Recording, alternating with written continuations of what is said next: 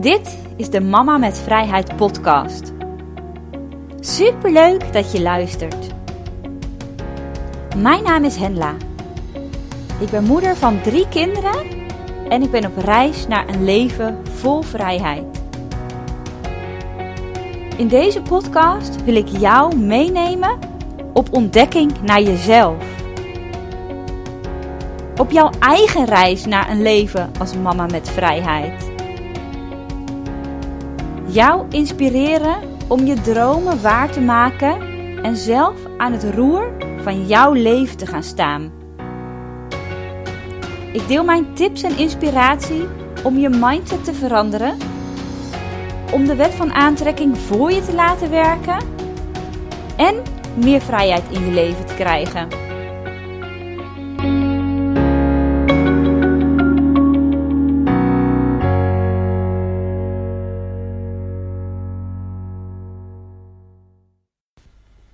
Welkom bij een nieuwe aflevering van de Mama met Vrijheid podcast. Superleuk dat je erbij bent en dat je weer meeluistert. En het is woensdagavond dat ik deze podcast opneem, want ik was eigenlijk een klein beetje vergeten een podcast op te nemen. Dus ik uh, wilde net de hond uit gaan laten. Het is half tien en ik dacht, nou, ik ga de hond uitlaten en dan uh, ga ik zo op bed. Ik lig altijd vroeg op bed, omdat ik ook vroeg opsta. En ik dacht ineens, oh shit, ik heb nog een podcast opgenomen. Dus ik was aan het denken, nou dan ga ik het anders morgenochtend doen en dan komt hij gewoon iets later online. Maar ineens bedacht ik me van de week een mailtje wat ik heb geschreven. En daar heb ik een uh, stuk van een boek wat ik nu aan het lezen ben, Helweek, van Erik Bertrand Larsen. Omdat ik mijn eigen Helweek aan het voorbereiden ben, ben ik het boek weer opnieuw aan het lezen. En in dat boek stond een heel mooi stuk, wat ik ook in een mailtje met mijn maillijst wilde delen. Ik dacht, oh, dat vind ik wel tof. Dat ga ik ook gewoon, dat stukje ga ik voorlezen aan jij, aan jou, sorry, en die de podcast luistert. bij deze wil ik dat graag doen. Ik heb het boek hier bij me. En het is een hele mooie anekdote. Het gaat over de mayonaisepot. Een professor stond klaar om een college filosofie te geven. Op zijn bureau stonden een paar voorwerpen opgesteld. Het college begon en hij pakte, zonder iets te zeggen, een enorme lege mayonaisepot en vulde deze met golfballetjes. Vervolgens vroeg hij de studenten of de pot vol was. Ze antwoordden bevestigend. De professor pakte een blik met kiezelsteentjes en liet die in de pot glijden. Hij schudde voorzichtig met de pot. De kiezelsteentjes rolden in de open plekken tussen de golfballetjes. Weer vroeg de professor aan zijn studenten of de pot vol was. Ze antwoordde weer bevestigend. De professor nam nu een blikje met zand en kiepte het zand in de pot. Het zand vulde de lege ruimte in de pot. Opnieuw vroeg de professor aan zijn studenten of de pot vol was. De studenten antwoordden met ja. Van onder het bureau haalde de professor nu twee koppen koffie tevoorschijn en goot de inhoud ervan in de pot. De koffie vulde de ruimte op tussen het zand. De studenten begonnen te lachen. Nu, zei de professor, wil ik dat jullie deze pot zien als jullie eigen leven. De golfballetjes zijn de belangrijke zaken in het leven. Je familie, je kinderen, je gezondheid, je vrienden en je favoriete bezigheden. Zaken die ervoor zorgen dat, zelfs als er verder niets anders was, je leven toch volmaakt zou zijn. De kiezelsteentjes zijn de andere dingen die belangrijk zijn. Je werk, je huis, je auto. Het zand staat voor al het andere. Alle kleine dingen. De professor ging verder.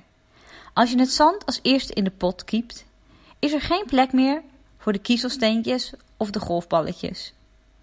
En zo is het ook met je leven.